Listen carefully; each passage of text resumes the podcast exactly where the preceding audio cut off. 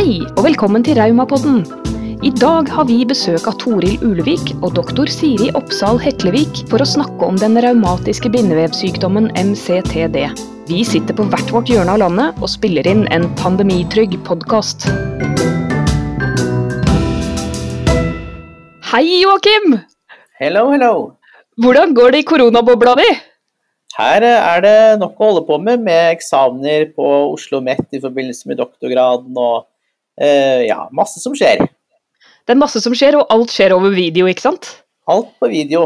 det, det, der å, å, treffe mennesker, det har vi slutta med. Det, ja. det, er, det, er, så 2019. Ja, det er, det er litt 2019. Forhåpentligvis blir det veldig, veldig slutten av 2021. Ja, og 2021, da skal vi være sosiale liksom når det nærmer seg julen. Ja. Og i mellomtiden så sitter vi på hjemmekontor og spiller inn podkast. Og vi har hatt en drøm i Raumapodden ganske lenge om å lage litt bra eh, podkast med innføring om forskjellige diagnoser, om forskjellige revmatiske diagnoser. Og det er det mange som har lyst til å høre på, og det har vi satt på ønskelista og fått da veldig konkrete tips og råd fra våre fantastiske diagnosegrupper. I dag skal vi snakke om en revmatisk diagnose som det er mange som ikke kjenner så godt til, nemlig MCTD. Og det, du og jeg, Joakim, vi, vi, eh, har heldigvis fått tak i litt eksperter her, eller hva? Ja, det er supert. Eh, MCTD. Ja, det kan jo i og for seg være mange ting, det. Som bare hører forkortelsen og ikke kjenner til, til sykdommen, ja jeg tror akkurat det, ikke sant? at det, det, det, er et navn som sies, og så vet ikke folk hva det er. og Derfor så skal vi få hjelp til å pakke opp det begrepet og få lære hva den sykdommen er for noe her i dag. Og For å hjelpe oss med det, så har vi fått med Toril og Siri som skal hjelpe oss. Toril, kan ikke du introdusere deg selv først? Fortelle hvem du er. Jo, hei. Jeg heter Toril Ulevik. Og jeg er 48 år snart, og jeg har da mixed connective tissue disease. Eh, det er en sykdom som jeg nå har hatt i snart 20 år. Supert. Eller unnskyld at det blir sånn der Wow, så kult! Du er en av oss, du er revmatiker. Det er litt sånn, eh, det er bare sånn jeg tenker. Og du er også med i vår diagnosegruppe for MCTD, som er ganske nystarta. Og sånn hjelper du andre med sykdommen. Det stemmer. Men, men hva heter sykdommen på norsk, da, sa du? Heldigvis så har vi med oss en ekspert som kan forklare hva dette her er for noe. Og hva heter det, hva heter det på norsk? Siri, kan ikke du fortelle hvem du er, og hva er MCTD? Ja, jeg heter Siri Oppsal Hettevik. Jeg er lege på revmatologisk avdeling på Rikshospitalet. Og jeg har en doktorgrad på MCTD. Og jeg disputerte i 2018. Um, mixed connective tissue disease har ikke egentlig noe god norsk oversettelse. Noen bruker blandet bindevevsykdom, men vi er mest vant til å bruke MCTD eller mixed connective tissue disease som eh, betegnelse. Og det er jo, Når man bare venner seg til det, så er det jo raskere å kalle det det. Så det er også en bindevevsykdom. Eh, og hva, hva, er liksom forskjellen, Siri, hvis du kan fortelle oss litt rundt det medisinske hva er forskjellen på MCTD og andre bindevevsykdommer? Uh, ja, Det er jo et godt spørsmål. Sånn Det ligger i tittelen 'Mixed Connective Tissue Disease', eller blandet bindevevsykdom, så har MCTD elementer fra flere andre sykdommer. Det er på en måte det som karakteriserer sykdommen. Uh, for å få diagnosen så må man ha elementer fra litt mer sånn større diagnoser, litt mer etablerte diagnoser, sånn systemisk sklerose, SLE, lupus eh, eller dermatomyositt, altså sånn muskelbetennelsessykdom. Eh, så Det er på en måte forskjellen, at eh, det er en, en miks av symptomer og funn. Mm. Derma, det falt litt ut der. Dermatomyositt. Ja. Ligner det på. Ok, og, og lupus og systemisk sklerose. Og det ja. er jo det er ganske alvorlige sykdommer. Uh, er, det, er, det, liksom betennelse involvert? Det er betennelse involvert, ja. Uh, alle sykdommene kan være alvorlige, og så kan de være svært milde. Og kanskje MCTD i størst grad har på en måte fra pasienter som har utrolig lite symptomer, til eh, mer alvorlig sykdom som ligner mer på mer alvorlige tilfeller av f.eks. systemisk sklerose. Da. Ja. Ok, dette her er kjempespennende og veldig nytt for, for meg. Eh, sånn at jeg vil veldig gjerne lære mer, og jeg vil høre hvordan det oppleves å ha den sykdommen. Så jeg er glad vi har med deg, Toril. Hvordan var liksom din pasientreise? Hvordan var de første symptomene, og hvordan var det for deg å få sykdommen? Um, ja, altså som jeg var inne på, så er det snart 20 år siden jeg fikk eh, diagnoser. Um, det begynte en dag på jobb. Uh, jeg fikk problemer med å puste. Jeg hadde vondt, vondt for å puste. Uh, både innvendig i lungene. Jeg følte at jeg ikke fikk dratt lufta ordentlig ned, samtidig som det gjorde vondt når jeg bevegde over kroppen. Mm. Det var en dag på jobb. Jeg var vant til å gå to etasjer opp til kantina, men jeg ble alvorlig bekymra når det når det var både vondt og nesten umulig å komme seg de to etasjene opp. Da. Eh, så da dro jeg til legevakta og ble mm. lagt inn der med en gang når de hørte at jeg hadde et pusteproblem. Og så undersøkte de meg, og etter hvert så sendte de meg videre til Diakonhjemmet. Og på Diakonhjemmet så tok de flere tester, bl.a. CT av lungene, og fant ut at jeg hadde en, en fortykkelse, eller at de hadde noe, noe på lungene, da. Um, og eh, det de trodde hadde, det var en infeksjon, slik at jeg fikk antibiotika av dem. Så lå jeg der i to, to døgn, um, før jeg da ble sendt hjem da med antibiotikakur.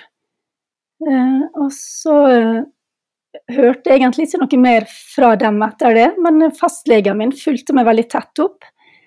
Og det hun reagerte på, det var at jeg hadde høy senkning, som ikke gikk ned. Eh, så det var tydeligvis en betennelse i kroppen.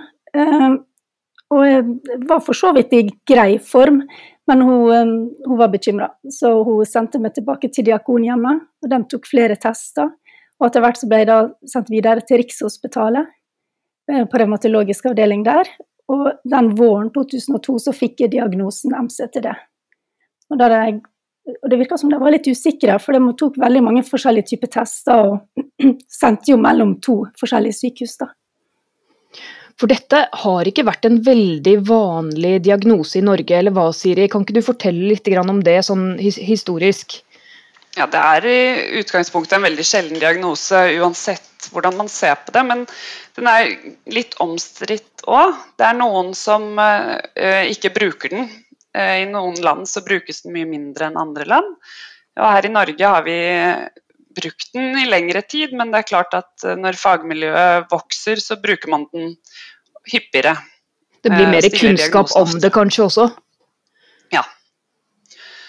Så vi har jo hatt store forskningsprosjekter på MCTD på vår avdeling på Rikshospitalet de siste 10-15 årene. Så etter den tid har det vært brukt mye her, i hvert fall. Så på revmatologisk avdeling på Riksen eh, på OUS så har dere et forskningsmiljø rett og slett, hvor det, hvor det forskes på MCTD i Norge. Og kanskje pga. det miljøet så har det blitt mer kunnskap om diagnosen i Norge? Det kan godt være. Um, Ragnar Gunnarsson gjorde en kjempeinnsats uh, med å samle disse pasientene fra alle revmatologiske avdelinger i hele landet. Så jeg vil tro at det på en måte har påvirket uh, uh, bevisstheten rundt det egentlig i hele Norge. Ikke sant, så bra. For hvor mange snakker vi om egentlig? Hvor mange mennesker er det som får denne diagnosen i året, og hvor mange er det i Norge som har det? Det er veldig sjelden. Eh, Gunnarsson fant da at det var en eh, årlig sånn litt over to per eh, million innbygger som får diagnosen. Men siden det er så sjelden, er det vanskelig å estimere det, egentlig. Men i Norge så vil jeg Eh, eh, tro per i dag at det er 600-700 pasienter eller noe sånt. Ikke sant. 600-700 pasienter, og de har et ganske spesielt sykdomsbilde.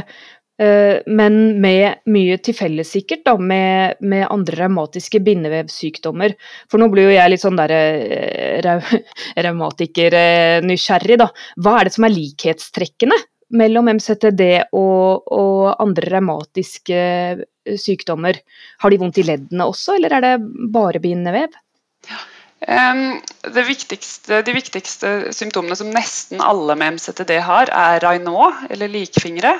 Mm. Eh, som jo er en typisk sånn bindevevssykdomsmanifestasjon. Eh, og så er det artritter, leddbetennelser. Og hvis de Leddbetennelser er jo En artritt er på en måte det vi legen kaller det, hvis vi finner et hovent og betent ledd. Og de som ikke har det, de har jo veldig ofte leddsmerter, da, uten at vi nødvendigvis finner noe galt i det. Ja.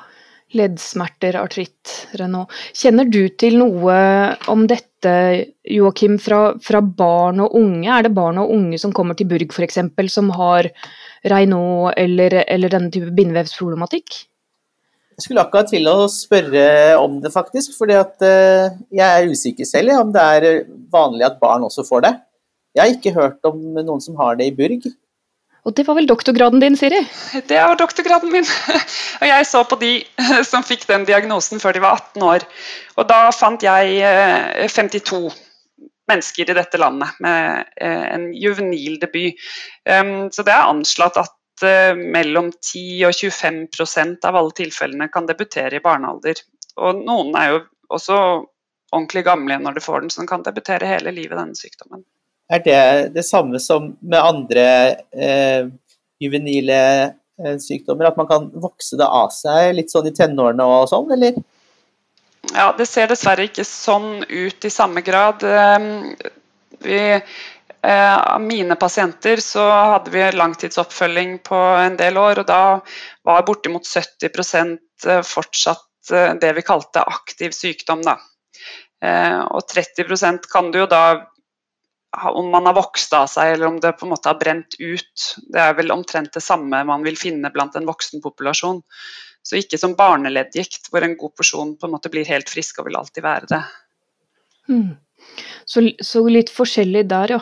Men, men Toril, det var veldig spennende å høre hvordan du opplevde først å bli syk, for det var jo et ganske annerledes oppstartsbilde enn hva vi, enn hva vi hører fra mange revmatikere, hvor det ofte liksom begynner med litt sånn forskjellige litt sånn diffuse muskel- eh, og skjelettplager, på en måte. Du begynte med pusteproblemer, og jeg hører jo på stemmen din nå også at stemmen din er litt affektert, på en måte om det er irritasjon i luftveiene. Hvordan fortsatte dette da etter hvert for deg, for nå har du hatt diagnosen i 20 år?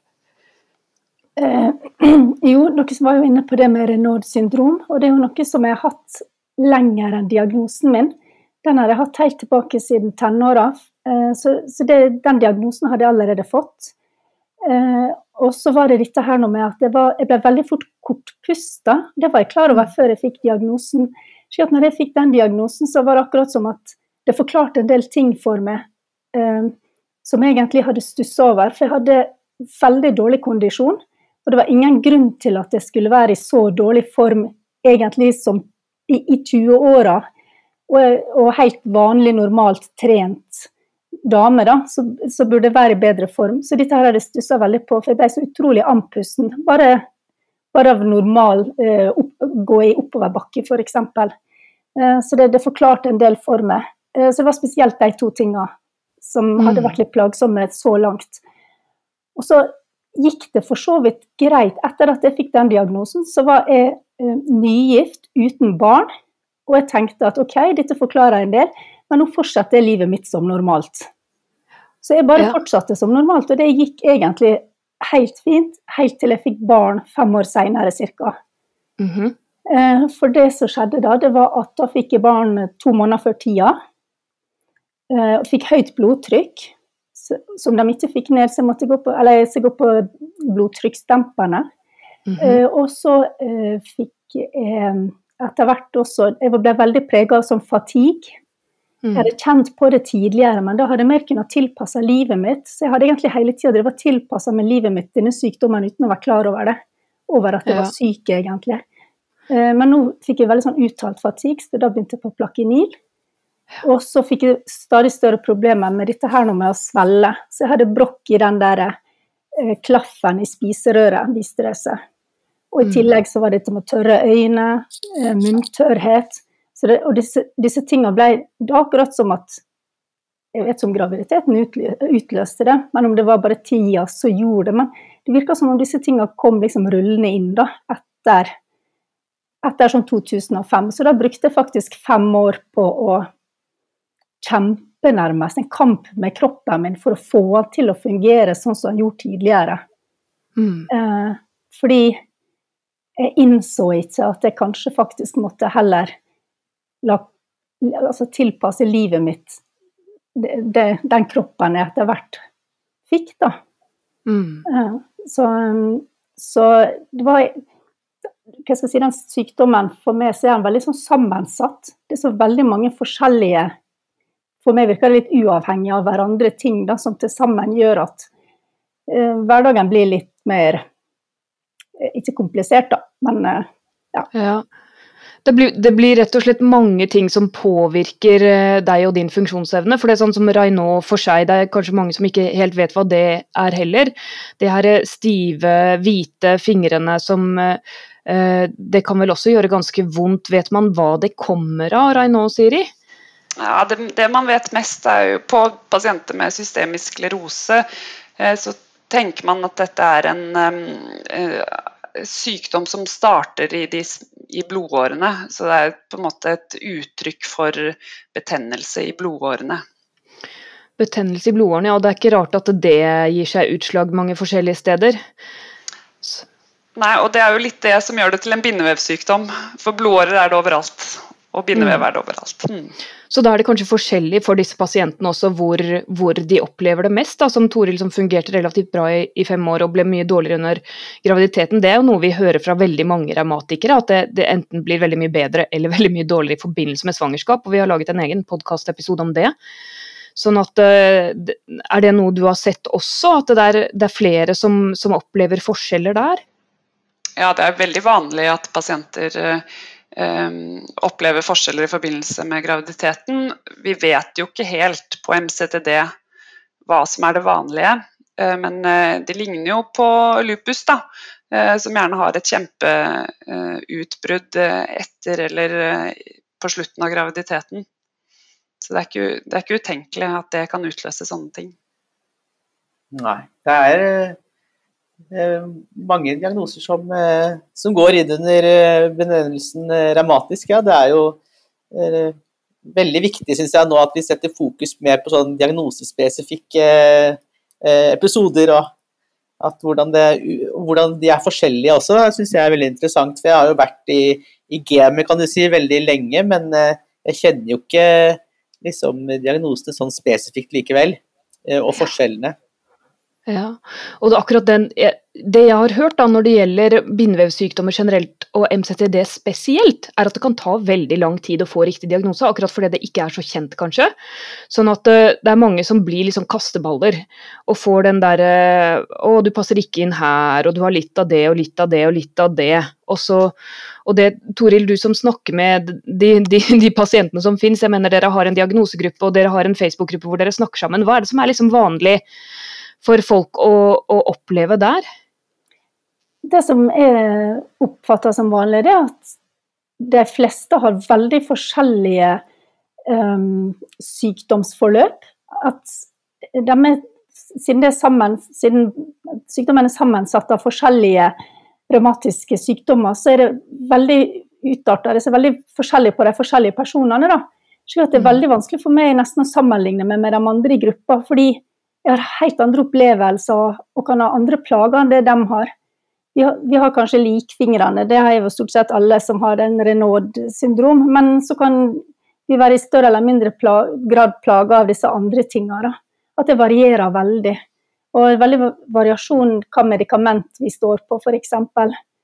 Eh, og det ser jeg når jeg går inn på sånn Facebook-gruppe der folk snakker litt mer fritt om forskjellige plager og sånn, så er det veldig veldig mye jeg ikke kan identifisere med meg i det hele tatt. Mens noen ting igjen er likt. Da. Så det er et veldig stort spenn i den sykdommen, virker det som. da. Og du hadde forverring etter graviditet, men, men, Siri, er MCTD litt som andre revmatiske sykdommer som ofte svinger, at det kan være gode og dårlige perioder, eller er det mer stabilt? Nei, det kan svinge i gode og dårlige perioder som de fleste andre revmatiske sykdommer, ja. Og da er, er det smerte smerter inn i bildet også. Uh, smerter, fatigue, liksom de her klassiske Det er de vanlige klassiske tegnene. Smerter kan jo, spesielt i begynnelsen er jo smertene veldig ofte relatert til disse leddbetennelsene, men det får vi jo som regel kontroll på. Eh, så er det mer sånne kroniske smerter som er eh, litt vanskeligere tilgjengelig for medisiner, og denne uttalte fatiguen som kan svinge med årstider, eller med hormonelle svingninger eller andre ting. Hva er, eh, hva er behandlingen eh, for dette, da? Det, du sa at det var uh, ulike medisiner og sånn, men jeg personlig har jo hatt veldig god effekt av biologisk medisin. Da. da jeg var 15 år, så merket jeg stor forskjell. Er det også like revolusjonerende i dette tilfellet, eller? Nei, dessverre. ja, det er det som er med MCTD, er at det er en så sjelden sykdom, så vi har jo ikke noen eh, medikamentstudier på MCTD per se, så vi må på en måte bare trekke fra de andre sykdommene eh, erfaringer og, og dokumentasjon fra det, og så på en måte behandle det ene symptomet etter det andre.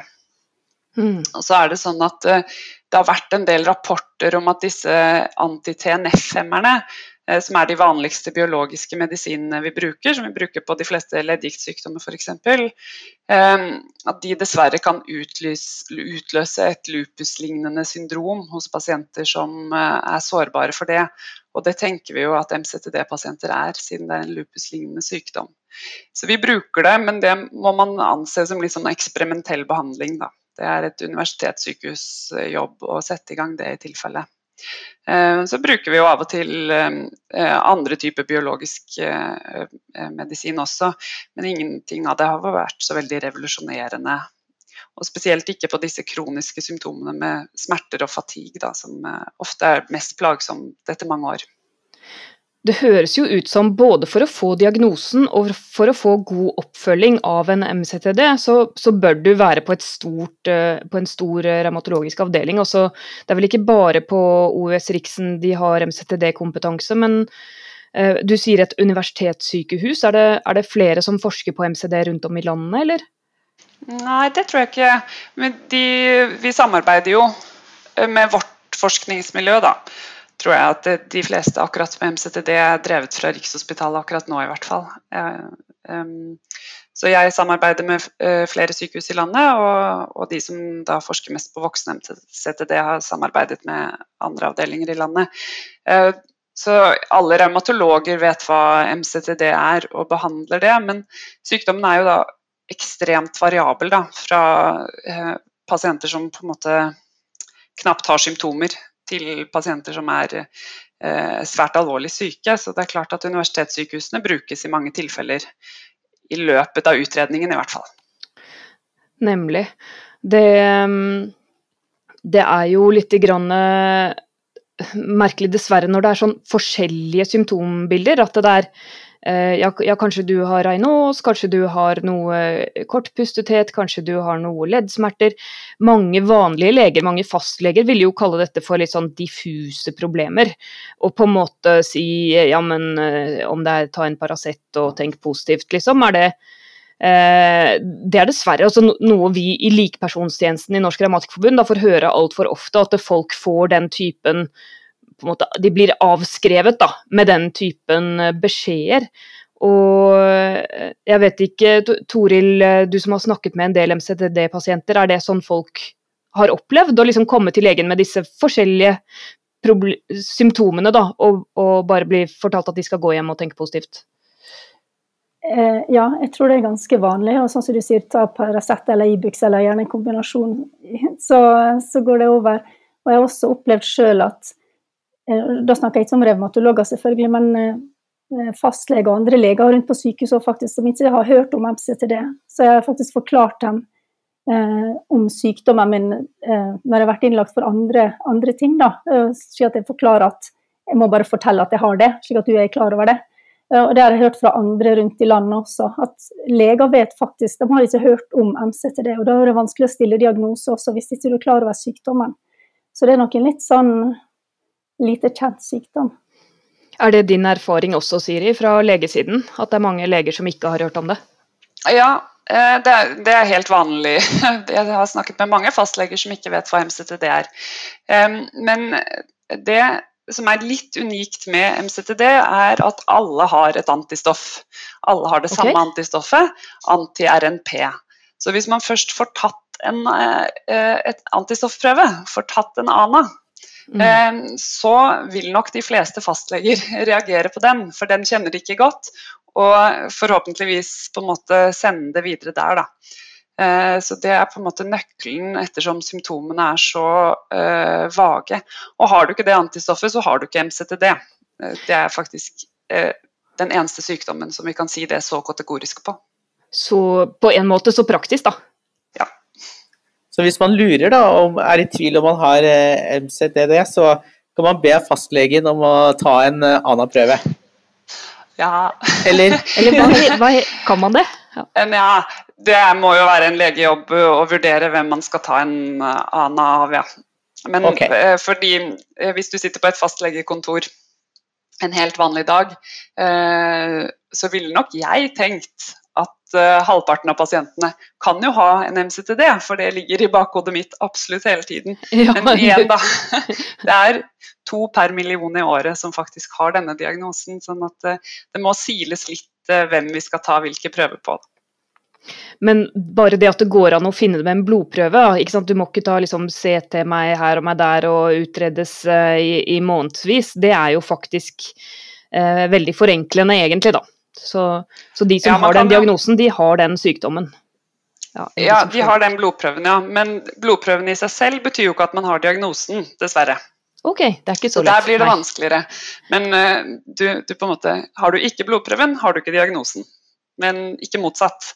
De fleste som nok har anti-RNP, har nok antageligvis ikke noe diagnose. Da vet vi litt mer om denne sykdommen, og jeg blir jo veldig nysgjerrig. Siri, hva slags medisinsk behandling kan revmatologene og legene tilby pasienter med MCTD nå? Hva er det som hjelper? Det er jo først og fremst betennelsesdempende medisiner, eh, da det er betennelser som driver dette. ikke sant? Eh, og da er det mye av disse Når det gjelder MCTD, bruker vi disse gode, gamle medisinene, som vi sier. Eh, ikke alltid like gode, men mange har jo nytte av kortisonpreparater, metotrexat og plakenil spesielt, da. Ja, og så er jo jeg litt spent på hva man kan gjøre selv da, av Eh, egentrening f.eks. hjelper å dra i til varmere strøk, eller eh, spise noen bestemt type mat. Hva sier du, Toril? Har du noe erfaring? Ja, det jeg fant ut hjalp veldig fint, eller godt for meg, det var å slutte å tvinge kroppen min eh, inn i situasjoner og oppgaver som egentlig ikke var godt for meg og heller spille på lag med kroppen, lytte til kroppen. Ta det litt stegvis i mitt tempo. Så vi fikk oss for ti år siden, så fikk vi hund. Og det var helt fantastisk for å få i gang litt sånn forsiktig kondisjonstrening. Det var lystbetont, det var ute i skog og mark. Um, hadde, det hadde stor suksess med. Etter hvert så fikk jeg bedre kondisjon også. Jeg greide å utnytte den lungekapasiteten som jeg faktisk hadde.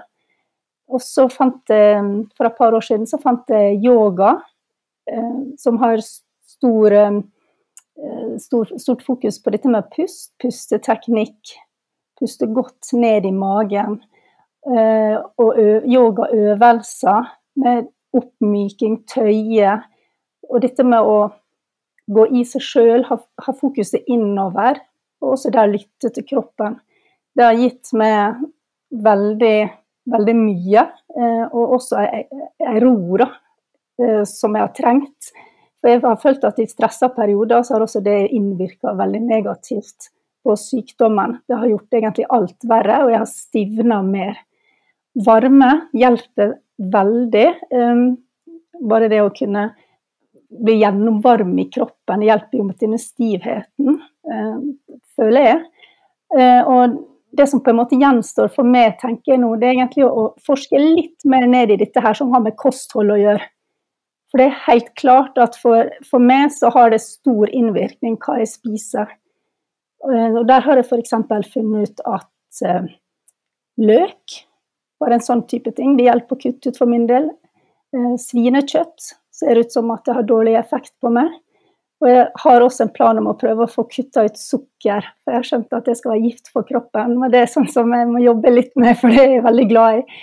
Men her er, her er veldig mye man kan gjøre sjøl, og jeg tenker at hvis man bare ja, lytter til sin egen kropp, så tenker jeg at man kan gjøre mye for sin egen helse. Veldig mange fine råd og tips der som jeg tror, uh, uavhengig av revmatisk diagnose, kan ha god effekt av. Uh, jeg kjenner meg litt igjen av noe av det du nevnte der også, så. Ikke sant? Det er jo masse, så fint at det er på en måte så mye som er det felles også, da. For, for alt det du snakker om, det høres jo ut som en ganske eh, krevende på en måte indre reise da, du går gjennom i å finne, og for deg når det er så konkret som at du har pusteproblemer, på en måte, hvis du, hvis du tar i for hardt at det, at det, er ikke nok pust til kroppen for å gjøre det du vil, mm. da, det kan man jo ikke pushe så veldig, kanskje. Men, men det at det er varme hjelper, lett trening, lystbetont, liksom den type pacing, kosthold Eh, alt dette her som har med mestring og, og, og eget, eget, forholdningssett til sykdommen. Der, der, tror jeg vi alle har veldig mye å lære. og jo, Der legger jo vi i Revmatikerforbundet ned veldig mye arbeid på å hjelpe pasientene også. Med både kurs og aktiviteter, akkurat for å finne fram til de sunne måtene å leve med sykdommen som kan, som kan hjelpe deg å ha et så friskt liv som mulig, rett og slett. Mm. Og dere i diagnosegruppen, Toril, jeg må jo bare skryte litt av dere, da. For det er eh, Lotta Svartdal som tidligere har vært veldig aktiv i sjøgrensgruppen. For hun hadde vel først en sjøgrensdiagnose, så etter hvert fikk hun MCTD-diagnosen. Som har startet opp nå ganske nylig. I fjor var det vel en gruppe en diagnosegruppe for MCTD-pasienter i Norsk Grammatikkforbund.